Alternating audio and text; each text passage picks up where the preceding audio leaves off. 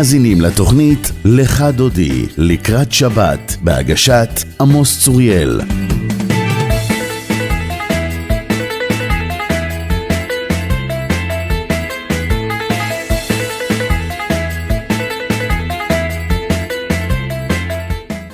שלום למאזיני רדיו סול, היום יום שישי, ז' באדר א', תשפ"ד, 16 בחודש פברואר, שנת 2024. כאן עמוס צוריאל איתכם בעוד תוכנית לך דודי לקראת שבת, פרשת תרומה. התוכנית שעה אחת בלבד, והיא מוקלטת עקב הליך רפואי שעברתי במהלך השבוע. בעזרת השם אחזור לשדר מהאולפן בשבוע הבא, יום שישי, פרשת תצווה. מה בתוכנית? שיחה עם כבוד הרב, סגן אלוף במילואים אהרון בדיחי, רב העיר אבן יהודה וממלא מקום רב העיר באריאל, על פרשת תרומה. ואנחנו נשוחח על המשכן ועבודתו, וגם על הסמלים שהוא מייצג בחיינו. פינת רגע של עברית מתוך ספרה של גברת רות אלמגור רמון, והפעם הביטוי הסרח העודף. חיים עם ערך פינתו של כבוד הרב דוקטור יאיר הילר, שישוחח על זין באדר, יום פטירתו של משה רבנו, התבוננות באישיותו המיוחדת. האזנה נעימה וערבה.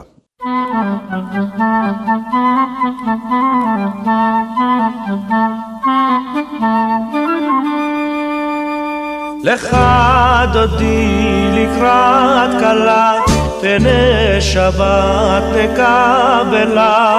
לך דודי לקראת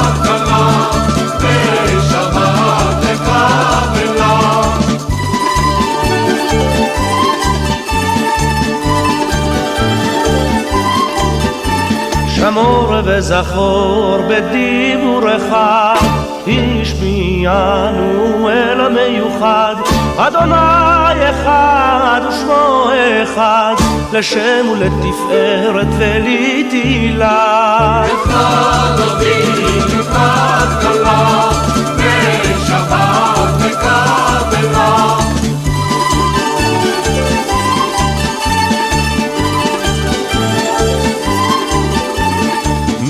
מקדש מלך עיר המלוכה, ומצאי מתוך אבך, רב לך שבט בעמק הבכה, והוא יחמול עלייך חמלה. דודי לקראת כלה, פני שבת נקבלה.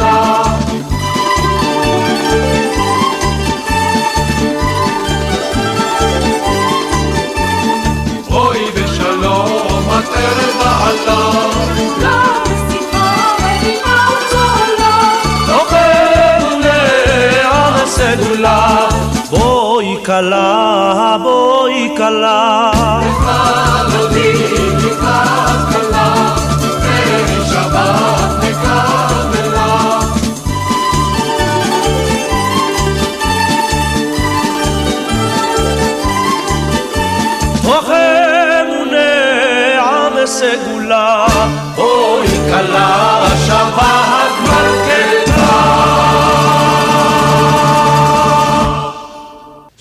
לכבוד הרב, סגן אלוף במילואים אהרון בדיחי, רב העיר אבן יהודה וממלא מקום רב העיר באריאל.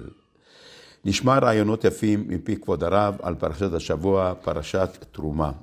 וככה מתחילה הפרשה, וידבר אדוני אל משה לאמור, דבר אל בני ישראל, ויקחו לי תרומה מאת כל איש אשר ידבנו ליבו, תיקחו את תרומתי. וזאת התרומה אשר תיקחו מאיתם, זהב וכסף ונחושת, ותכלת וארגמן, ותולעת שני, ושש ועזים, ואורות אלים מאודמים, ואורות תחשים ועצי שיטים. שמן למאור, פסמים לשמן המשחה, ולקטור את הסמים. אבני שוהם ואבני מילואים, לאפוד ולחושן. ועשו לי מקדש, ושכנתי בתוכם. כבוד הרב, הרי המשכן ועבודתו היו בגדר מצווה וחובה. מדוע בנייתו הייתה על ידי תרומות ולא על, במס חובה? בבקשה, כבוד הרב. שלום לך עמוס ויום שישי נפלא לכל המאזינים. אכן השאלה היא שאלה במקומה, מפני שהביטוי תרומה מופיע כחוט השני בכל הפרשיות הבאות. כבר בתחילת הפרשה שלנו, דבר בני ישראל ויקחו לי תרומה מאת כל איש אשר ידבנו ליבו, תיקחו את תרומתי, וזאת התרומה. וגם אה, בפרשיות הביצוע, בפרשת ויקהל, גם שמה הביטוי הזה מופיע פעמים רבות, ויבואו כל איש אשר נשאו ליבו וכל אשר נדבה רוחו, הביאו את תרומת השם. כן, המושג הזה, תרומה, איננו מופיע רק במקרה, הוא מושג מאוד יסודי ובסיסי בכל הפרשיות האלה שלנו.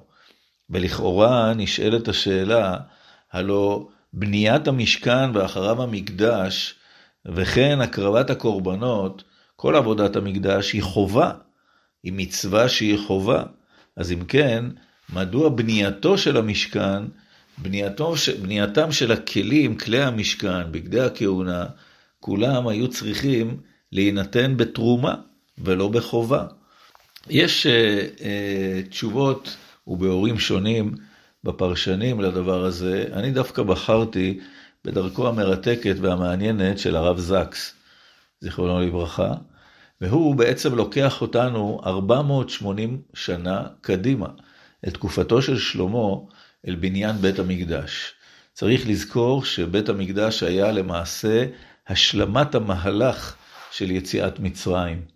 כן, וכך אה, גם כתוב שמה, ויהי בשמונים שנה וארבע מאות שנה לצאת בני ישראל מארץ מצרים. כלומר, שכל המהלך של יציאת מצרים וקבלת התורה הייתה על מנת להיכנס לארץ ישראל ולבנות את בית המקדש. המשכן הוא היה רק אה, אה, בניין זמני, מבנה זמני. אז שלמה המלך בונה את בית המקדש, המבנה אולי המפואר, הגנדריוזי ביותר, אה, אולי בעולם אפילו של אז. והנה אנחנו רואים שלאחר תקופתו של שלמה, שהייתה תקופת שיא אידיאלית בהיסטוריה של עם ישראל, איש תחת גפנו ותחת תאנתו, יש שקט מדיני, שקט אה, צבאי, אבל מה קורה מיד בדור שאחריו? רחבעם, כשעולה למלוכה, מיד העם מתמרמר. מיד יש ביטויים של מרידה, כן, ירובעם נקרא מן הגלות, והוא עומד כנציג הציבור, עומד מול רחבעם, ודורש ממנו להקל את עולו של אה, אביו, של אביו שלמה. אז מרד וניסיונות להפיכה הם דברים טבעיים, הם דברים הגיוניים, אבל זה שהמרד יצליח ועם ישראל ייקרא לשניים, זה אומר דורשני. מדינה משגשגת, מדינה שקטה, מדינה שנמצאת לכאורה בשיא, היא לא מהווה קרקע פוריה למרד, ובוודאי לא להצלחתו. אבל כאן אנחנו מגלים עובדה קשה ומרה. שלמה המלך ראה בבניין המקדש, ובצדק, את המהלך המרכזי שהוא לב ליבה של האומה הישראלית, ומכיוון שכך הוא גם ביקש להשקיע את המקסימום האפשרי, ולשם כך הוא רתם את כל עם ישראל. ומסתבר שעם ישראל היה מוכן לשאת בעול, אבל עד גבול מסוים. בדיעבד מסתבר ששלמה המלך הכביד את עולו. ההכבדה המתמשכת הזאת, כן, זה לא דבר שנגמר ביום או ביומיים או בחודש או בחודשיים, זה לקח מספר שנים. ההכבדה המתמשכת הזאת הפכה את בניינו של בית המקדש לעול. הזכירה לעם ישראל מהיכן הוא יצא, מבית עבדים. בית המקדש, שכמו שאמרנו, הוא לב ליבה של האומה, הוא מהווה את סמל החירות, את סמל האמונה שבאה מתוך ליבו ונפשו ונשמתו הטהורה של כל יהודי ויהודי. אבל ברגע שזה נקשר עם עבודה קשה, עם עול מתמשך, זה דבר שהוא מנוגד למהותו של בית המקדש. בית המקדש נועד, כמו שאמרנו, לעמוד לא רק בליבה הגיאוגרפי של האומה, אלא בליבה הרוחנית. של אומה שהשם הוציא אותה מעבדות לחירות, ובהתאם לכך אמונת ישראל נועדה להיות ביטוי לחופש. המקדש צריך להיבנות בתרומות דווקא של נדבה ורצון טוב. זה לא סתם דבר שולי, אלא זה דבר מאוד מהותי. אמונה שנכפית איננה אמונה. עבודת אלוקים שבאה מתוך כפייה איננה עבודת אלוקים. מקדש שנבנה בעבודת כפייה, הוא בעצם עומד בניגוד לעצם טיבו של אלוהי ישראל ושל אמונת ישראל. ולכן התורה, הקדוש ברוך הוא, הקפיד שבניית המשכן תהיה דווקא בתרומה, דווקא מכל איש אשר נדבה ליבו הביא את תרומתו. וזו נקודה ששלמה המלך בבניין המקדש לא כל כך נתן ליבו אליה, אולי מתוך רצון טוב, אולי מתוך כוונה טובה, אבל בסופו של דבר, הגולם, אפשר לומר, קם על יוצרו, והשאיפה הנעלית לבנות בית מפואר, מבנה גרנדיוזי ומושקע, היה בעוכריו של אה, שלמה המלך. ולכן התורה חוזרת ומדגישה, גם כאן בפרשת תרומה וגם בפרשת ויקל, מאת כל איש אשר ידבנו ליבו, תיקחו את תרומתי. כשיהודי נזכר במשכן, כשיהודי זוכר את בית המקדש, הוא זוכר את החופש, את החירות הנפלאה שנובעת מתוך אמונה בקדוש ברוך הוא. אל תקרא חרות על הלוחות, אלא חירות. ולכן, כמו שאמרנו, התורה באמת מקפידה, וכך גם אנחנו בבתי המקדש מעט שלנו צריכים לרוממם, להדרם, אבל הכל מתוך נדבת הלב, הכל מתוך תרומה והתנדבות, ולא מתוך כפייה ועול.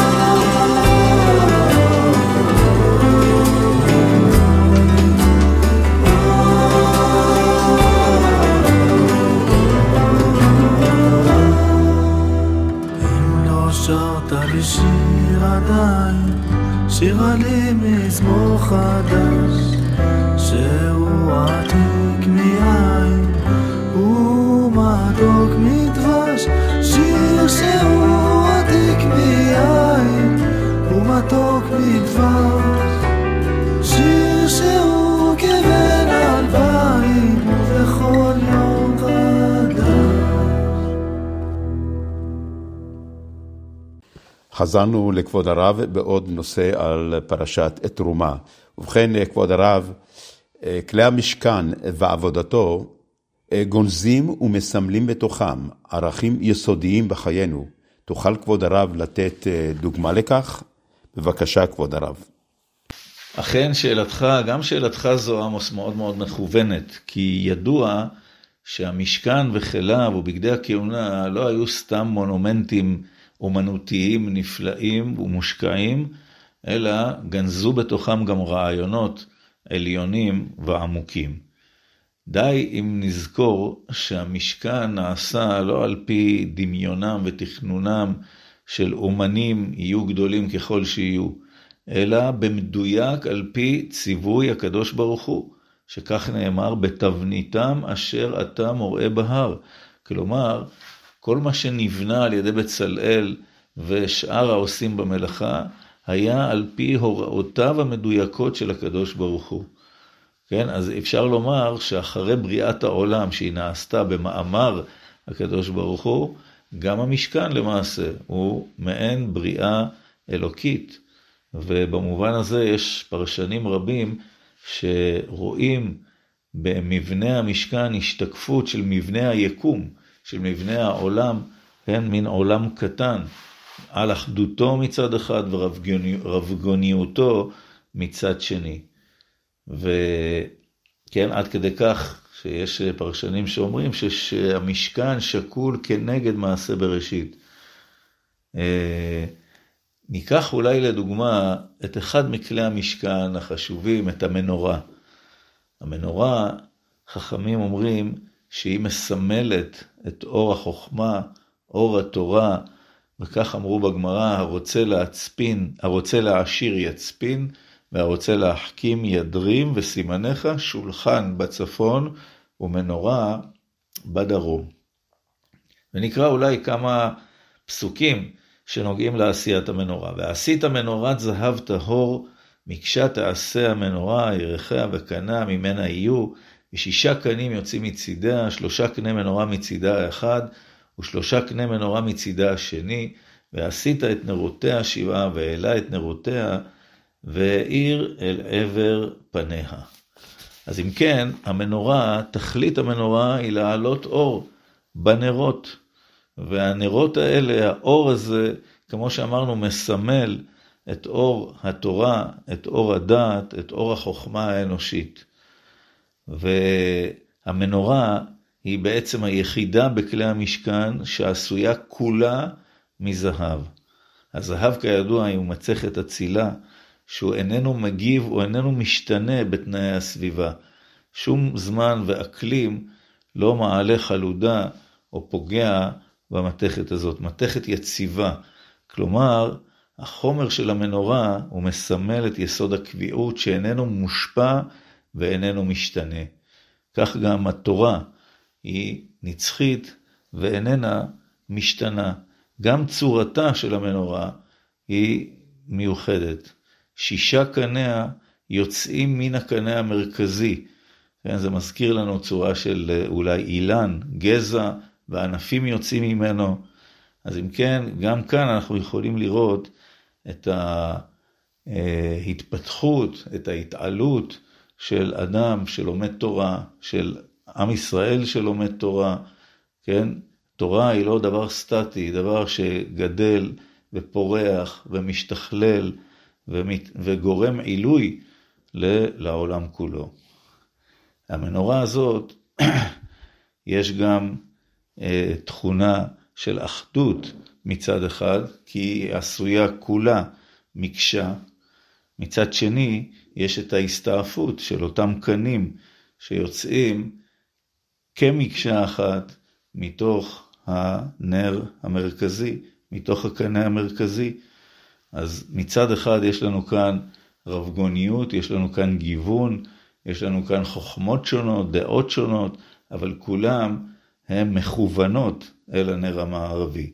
ובאמת, כשהחוכמה על גווניה השונים, על מקצועותיה השונים, כולם נובעים מתוך הקנה האמצעי ומכוונים אל הנר האמצעי, הם יכולים להביא שכלול גדול ואור גדול לעולם. כשאנחנו מנתקים, כשאנחנו מבודדים כל חוכמה בפני עצמה ורואים בה אידיאל בפני עצמו, השכלולים והידיעות שאנחנו אה, אה, לומדים ומבינים בחוכמות האלה, יכולות חלילה להביא דווקא להפך, לחורבן ולהרס ולפירוד, אבל כשלימוד החוכמות האלה הוא נלמד כחוכמת הבריאה של בורא עולם, ומכוון ממילא לעשות את מצוותיו של הקדוש ברוך הוא, להיטיב לבריות, אז אם כן, כל שכלול בחוכמה, כל שכלול של אה, אה, טכנולוגיה, כולה בסופו של דבר,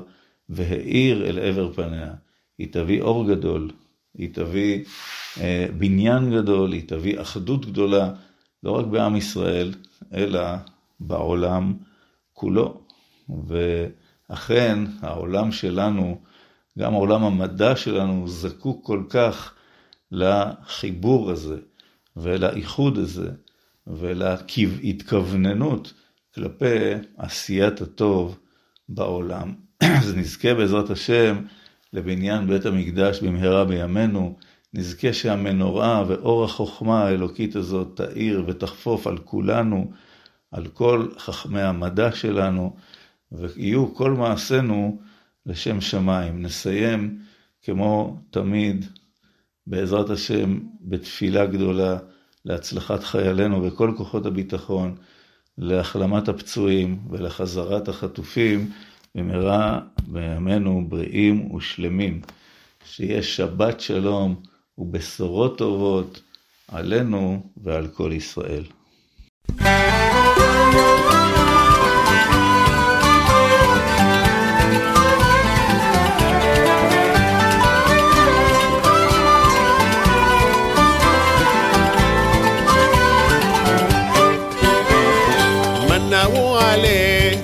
ההרים ררלה, מבשר שלום בבניין עירך.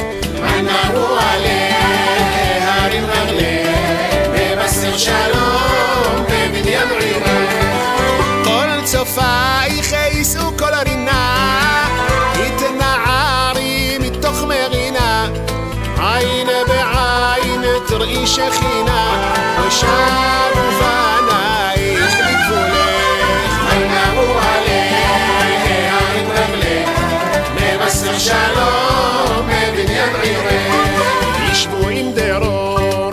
בשיר ומזמור, אל בית הרמור יהי שבילך.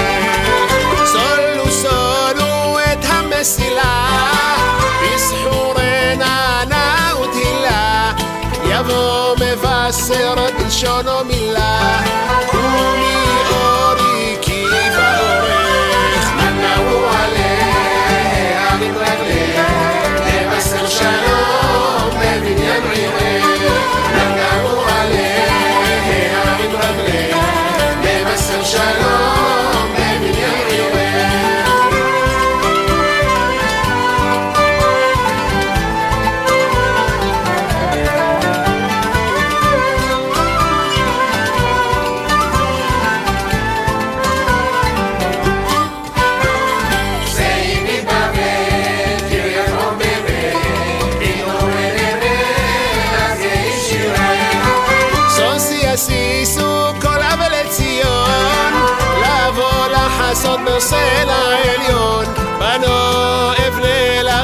way I put it on.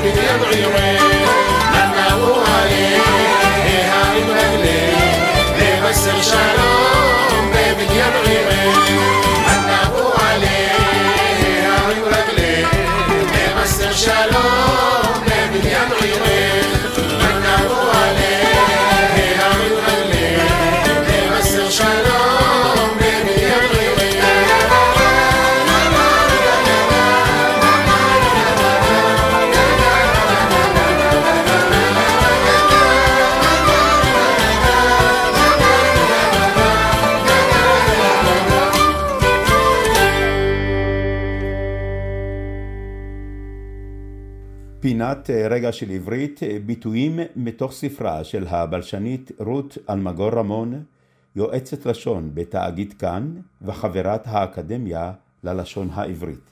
והפעם הביטוי הסרח העודף מפרשת תרומה, שמות כ"ו פסוק 12, וסרח העודף ביריעות האוהל, חצי היריעה העודפת תסרח על אחורי המשכן. וכך כותבת רות אלמגור רמון בספרה רגע של עברית. הסרח העודף. סרח היא מילה עתיקה ומשמעותה חלק של דבר המשתרע ונגרר על הקרקע. הפועל לסרוח פירושו להשתרע ולהיגרר. יחזקאל הנביא מושל משל בפרק י"ז פסוק 6, ויהי לגפן סורחת. גפן סורחת היא גפן המשתרעת ושולחת שלוחות, כראוי לגפן משובחת. המילה סרח מקורה בהוראות הבנייה של המשכן. מקיפים את המבנה ביריעות של אור עזים, מחברים את שתי היריעות הקיצוניות בקרסים של נחושת, ובבד העודף מכסים את אחורי האוהל. חצי היריעה העודפת תסרח על אחורי המשכן. הבד העודף נקרא סרח, ומכאן סרח העודף על פי שמות אה, פרק כ"ו, פסוק 12 מפרשתנו, פרשת תרומה. חלפו יותר משלושת אלפים שנה, ונתחדשה בלשוננו המילה עודף, מה שנשאר, עודף שם עצם, ואין לו ולמילה עודף, אלא השורש והמשמע הכללי. אבל מאחר שאצלנו השם החדש עודף שכיח יותר מן הפועל עודף, נשתבש בפינו סרח העודף והיה לסרח העודף. עודף ממאה שקלים, עודף משקל ועודף מרץ, אבל הסרח העודף. כך נכון לקרוא, וכך מתוך ספרה של הבלשנית, רות אלמגור רמון, רגע של עברית. עם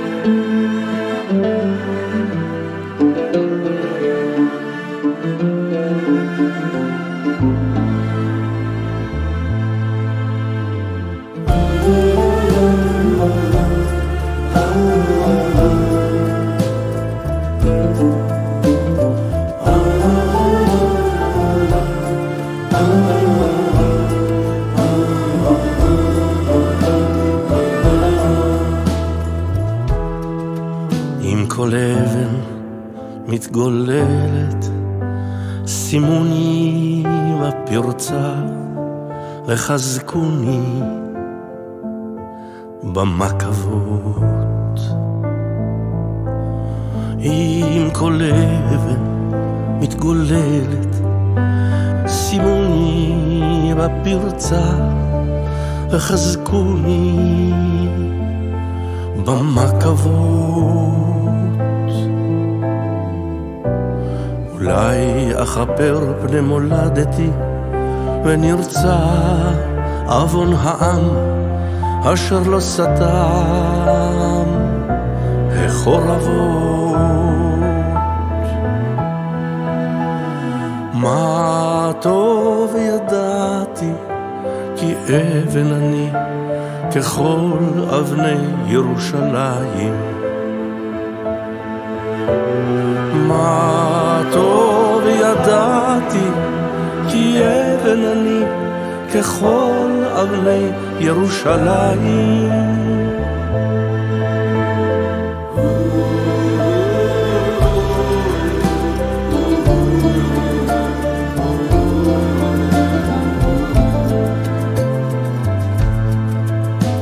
רחוני עם האבן הירושלמית ושימוני בכתלים וטוחו עליי.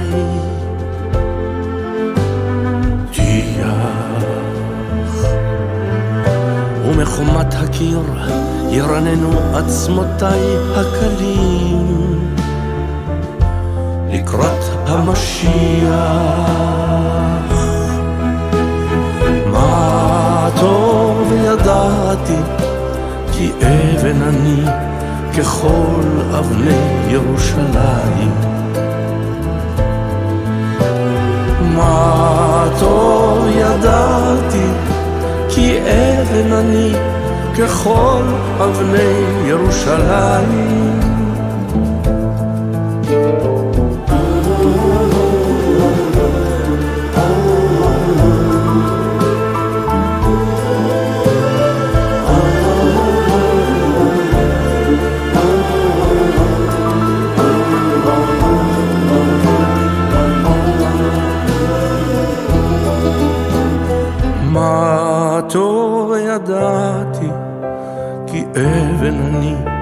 ככל אבני ירושלים.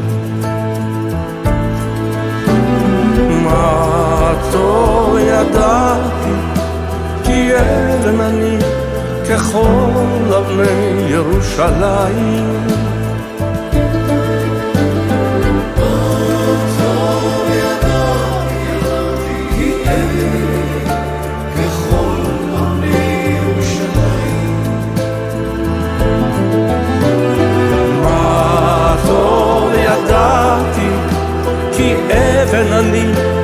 ככל אבני ירושלים.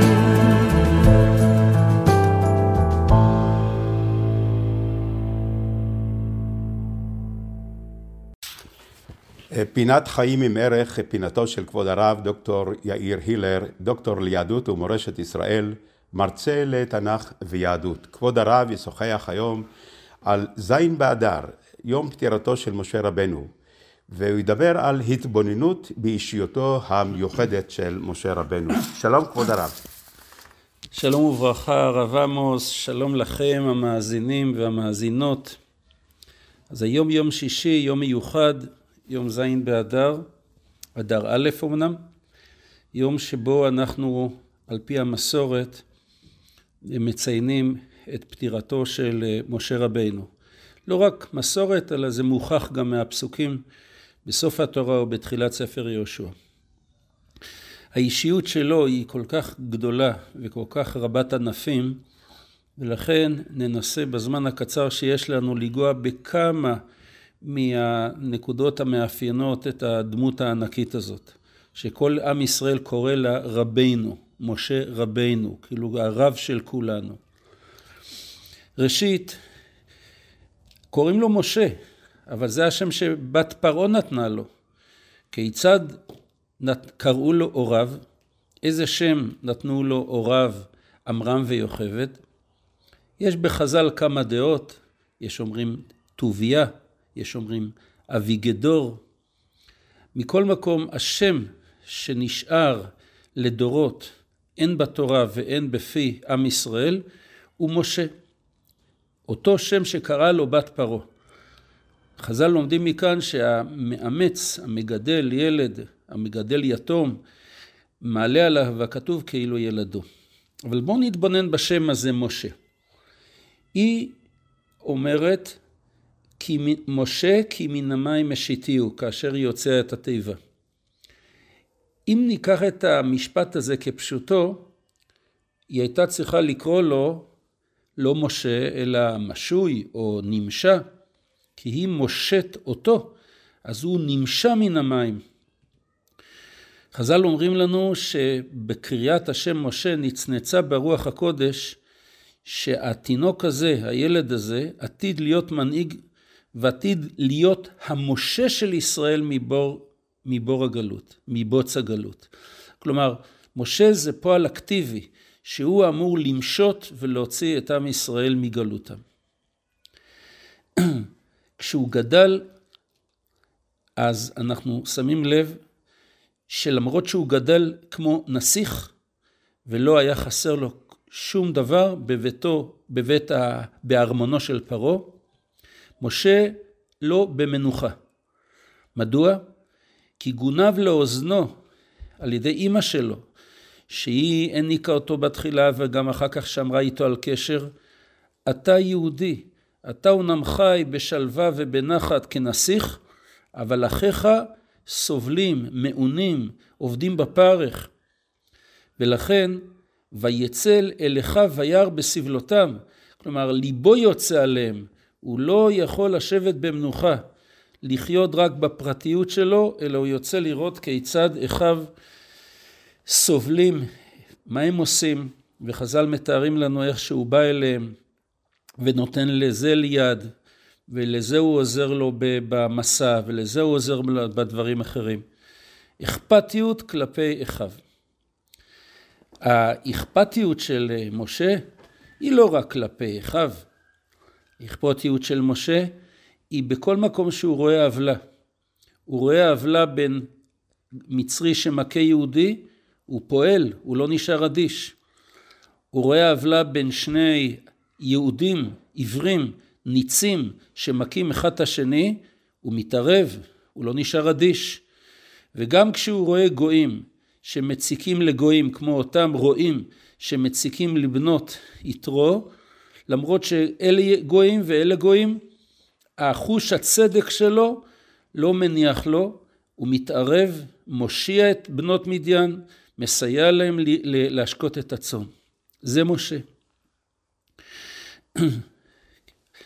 חשוב לדעת שהמידות האלה שמשה זכה בהם, ועוד מידות שנזכיר, הם לא דברים שהוא נולד איתם, אלא דברים שהוא רכש בעמל רב.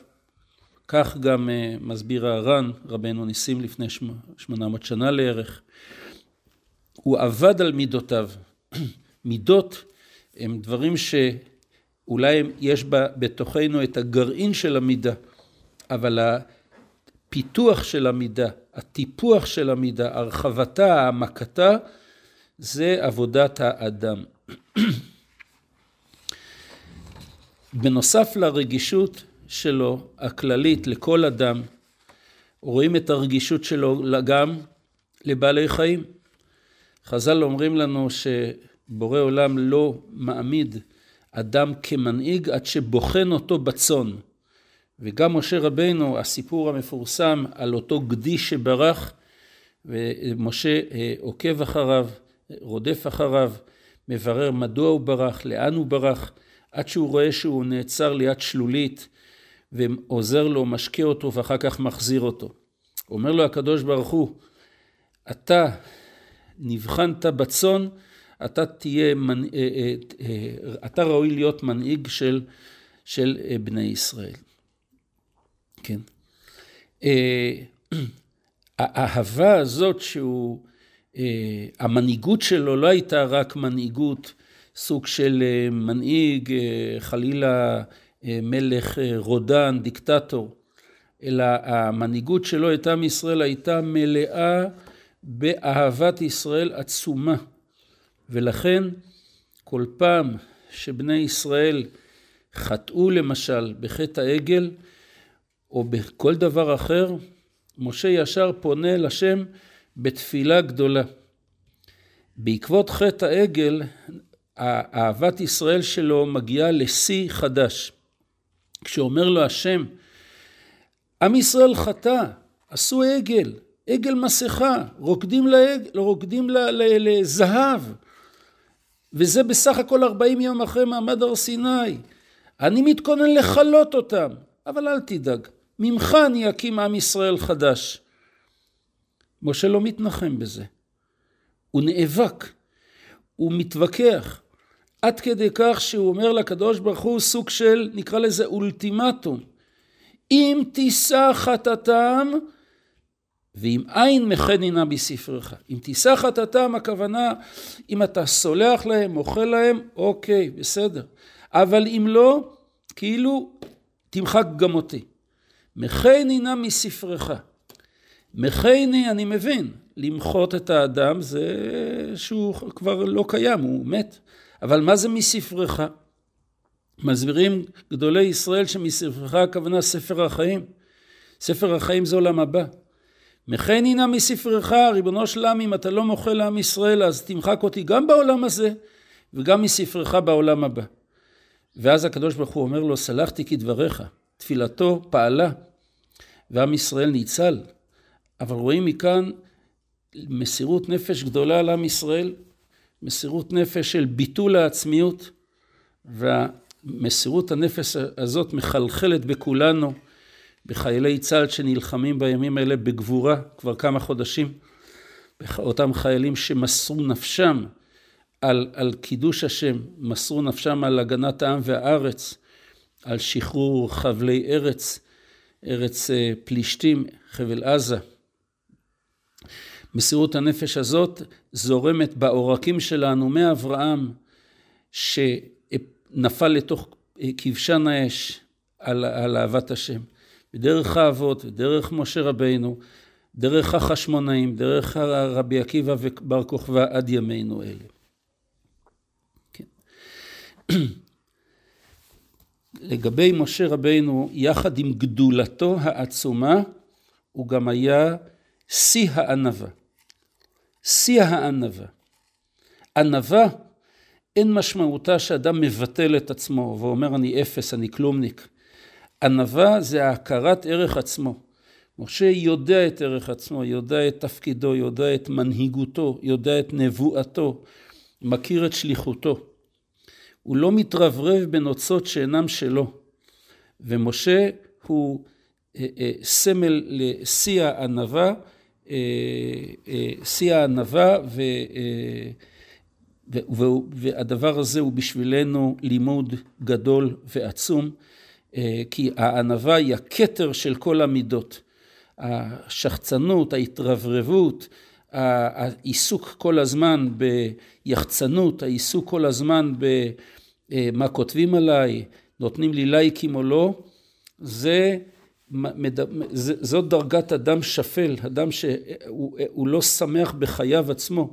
כל, כל שמחתו בפרגון או בחוסר פרגון של האחרים אליו. לעומת זאת אדם עניו, הוא מכיר את שליחותו, הוא שמח במה שהוא עושה. הוא, שמחתו לא תלויה בכמה לייקים ייתנו לו, אלא שמחתו תלויה באמונה שמה שהוא עושה זה הדבר הנכון שהוא צריך לעשות, זאת שליחותו בעולם. נוסף לכך, משה רבינו הצטיין באהבת ארץ ישראל שאין לה גבול. הוא כל כך רצה להוביל את עם ישראל לתוך הארץ. הוא כל כך רצה לעסוק בכיבושה של הארץ ולחיות בה. הוא אה, כל הזמן במדבר הוא מבטיח לנו שלשם אנחנו נגיע. וכאשר הוא השתתף בכיבוש עבר הירדן המזרחי, שזה גם חלק מארץ ישראל, הוא כבר ציפה שאולי, אולי בטלה הגזרה, אולי הוא יוכל להיכנס לעבר הירדן המערבי. ולכן בפרשת ואת חנן הוא מתפלל ובוכה וזועק המון תפילות, המון תפילות, אנא ריבונו שלם תאפשר לי להיכנס אל הארץ. השם אומר לו לא, אבל כל הכיסופים האלה של משה לא הלכו ריקם. הם לא הלכו ריקם, כל הכיסופים, כל הדמעות. מדוע? הסוד נמצא במילים האחרונות של ספר הכוזרי.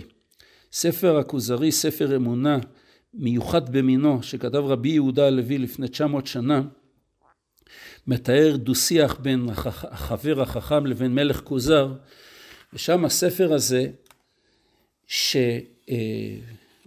שמסתיים בעלייתו של רבי יהודה הלוי לארץ ישראל, אז הוא אומר לו, רבי יהודה הלוי, שארץ ישראל לא תיבנה, ירושלים לא תיבנה, אלא כשיחשפו לישראל תכלית הכיסופים. זאת אומרת שבעניינה של ארץ ישראל וירושלים זה לא רק עניין שתלוי במלט ובטון, בסלעים ובבלוקים, בטרקטורים ובשופלים, אלא עיקר בניית ירושלים וארץ ישראל, מה שמכין את הכל זה אותם כיסופים, כיסופי הדורות, כיסופים של משה רבנו שהוא התפלל וזעק, וזה הצליח, ו- וזה משפיע, כיסופים של אנשים ש... שכל לילה מתייחדים בחצות הלילה בדמעות של, על החזרת שכינה לציון. וגם הכיסופים שלנו, כל אחד בתפילתו, בתפילת שמונה עשרה, ירושלים עירך, קבצנו לארצנו, כל הזעקות, כל הדמעות, כל התפילות, כל הכיסופים, לא הולכים ריקם, כולם מצטרפים ומביאים אותנו לגאולתנו השלמה, למה שזכינו כבר בדור שלנו, לשוב לארץ, עוד אמנם ארץ קטנה, אנחנו רוצים לחזור לכל מרחביה הגדולים, וזה יקרה בעזרת השם. אני רוצה לסיים, משה רבינו נקבר בעבר הירדן. אנחנו יודעים שזה היה נחלת שבט גד, כמו שכתוב, כי שם חלקת מחוקק ספון, בחלקו של גד קבור המחוקק, מחוקק זה משה. אבל היכן בדיוק בהר נבו, הר נבו זה הר גדול, היכן בדיוק איש לא יודע, כך מעידה התורה. כמובן הטעם הוא, אחד הטעמים הוא כדי שלא יראו, לא יסגדו למשה, לא יתייחסו אליו כאיזשהו סוג של אלוהים. מקום קבורתו לא נודע.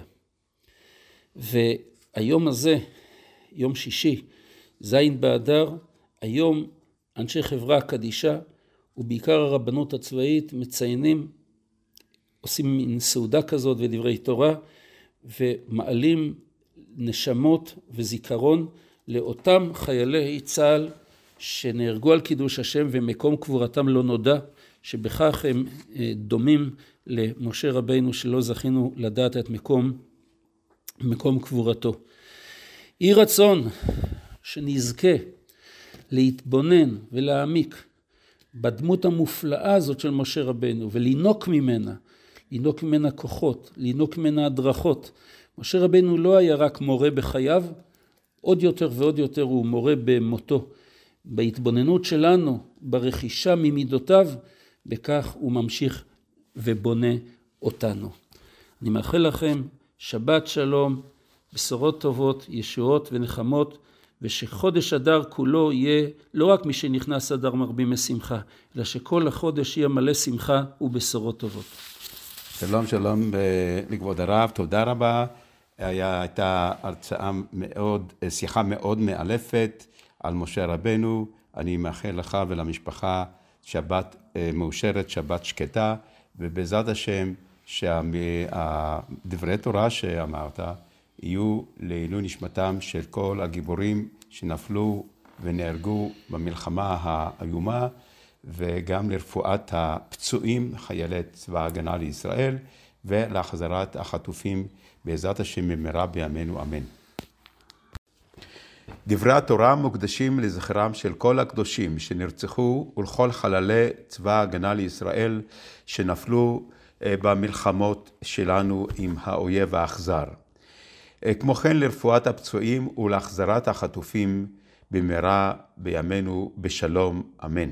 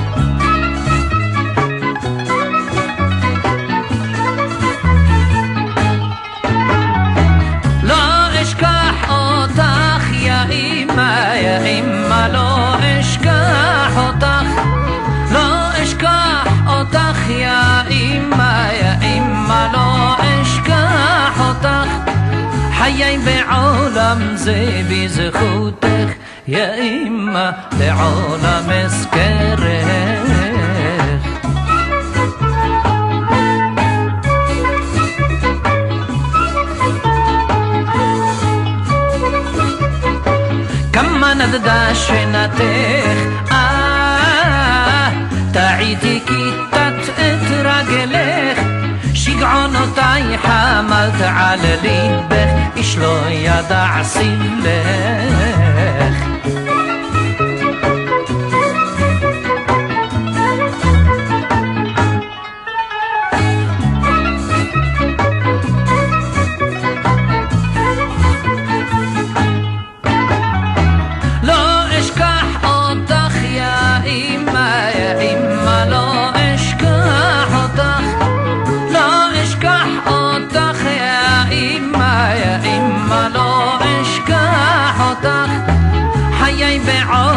זה בזכותך, יא אמא, לעולם אזכרך.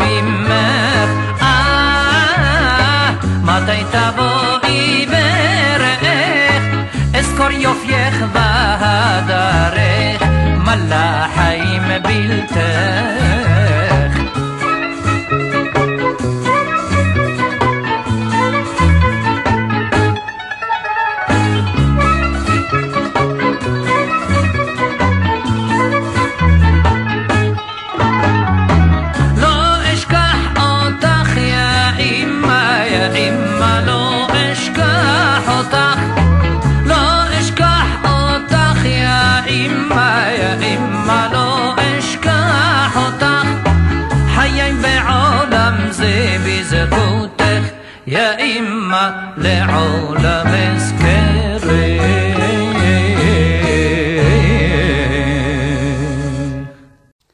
מאזינים יקרים, תוכניתנו לך דודי הגיעה לסיומה.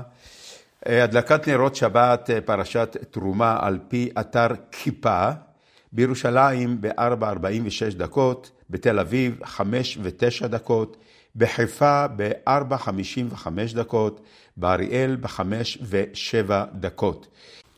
צאת השבת בירושלים ב-6 ו-4 דקות, תל אביב ב-6 ו-5 דקות, חיפה ב-6 ו-4 דקות, וגם באריאל ב-6 ו-4 דקות.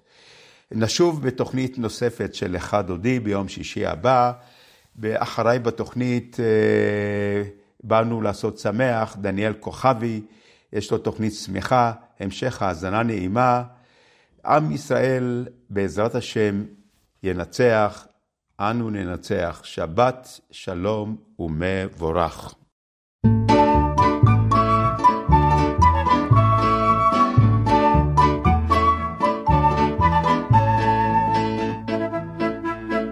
הללו אל בקודשו, בקודשו, במרומיו במקדשו, מקדשו.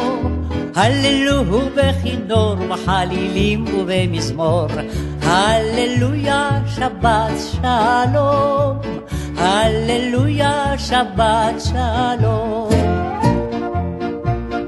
הללו אל בקודשו, בקודשו, במרומיו במקדשו, מקדשו.